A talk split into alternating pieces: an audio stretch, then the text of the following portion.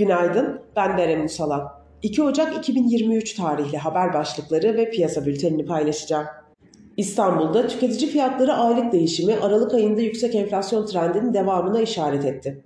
Dışişleri Bakanı Çavuşoğlu, Türkiye, Suriye, Rusya üçlü bakanlar görüşmesinin Ocak ayında ikinci yarısında yapılacağını belirtti.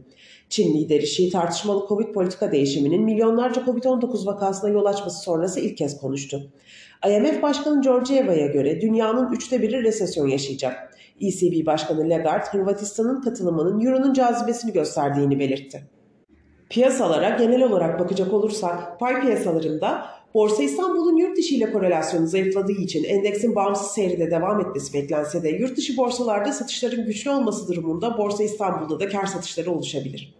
Son dönemde artan kar satışları ile endeksin momentumda bozulma yaşamasına rağmen enflasyonist ortamda Borsa İstanbul'un TL varlıklar içinde alternatifsiz yatırım aracı olması ve güçlü yurt içi yatırımcı talebinin devam etmesi nedeniyle sert geri çekilmelerin alım fırsatı olarak kullanılmaya devam edeceğini düşünüyoruz.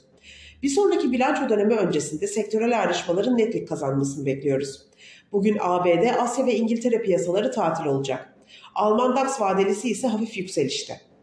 Teknik analiz verilerine bakacak olursak kısa vadede 5332 ve altına gerileme alım fırsatı, 5630 ve üzerinde düşük hacimli yükselişler ise kar satışı fırsatı olarak takip edilebilir.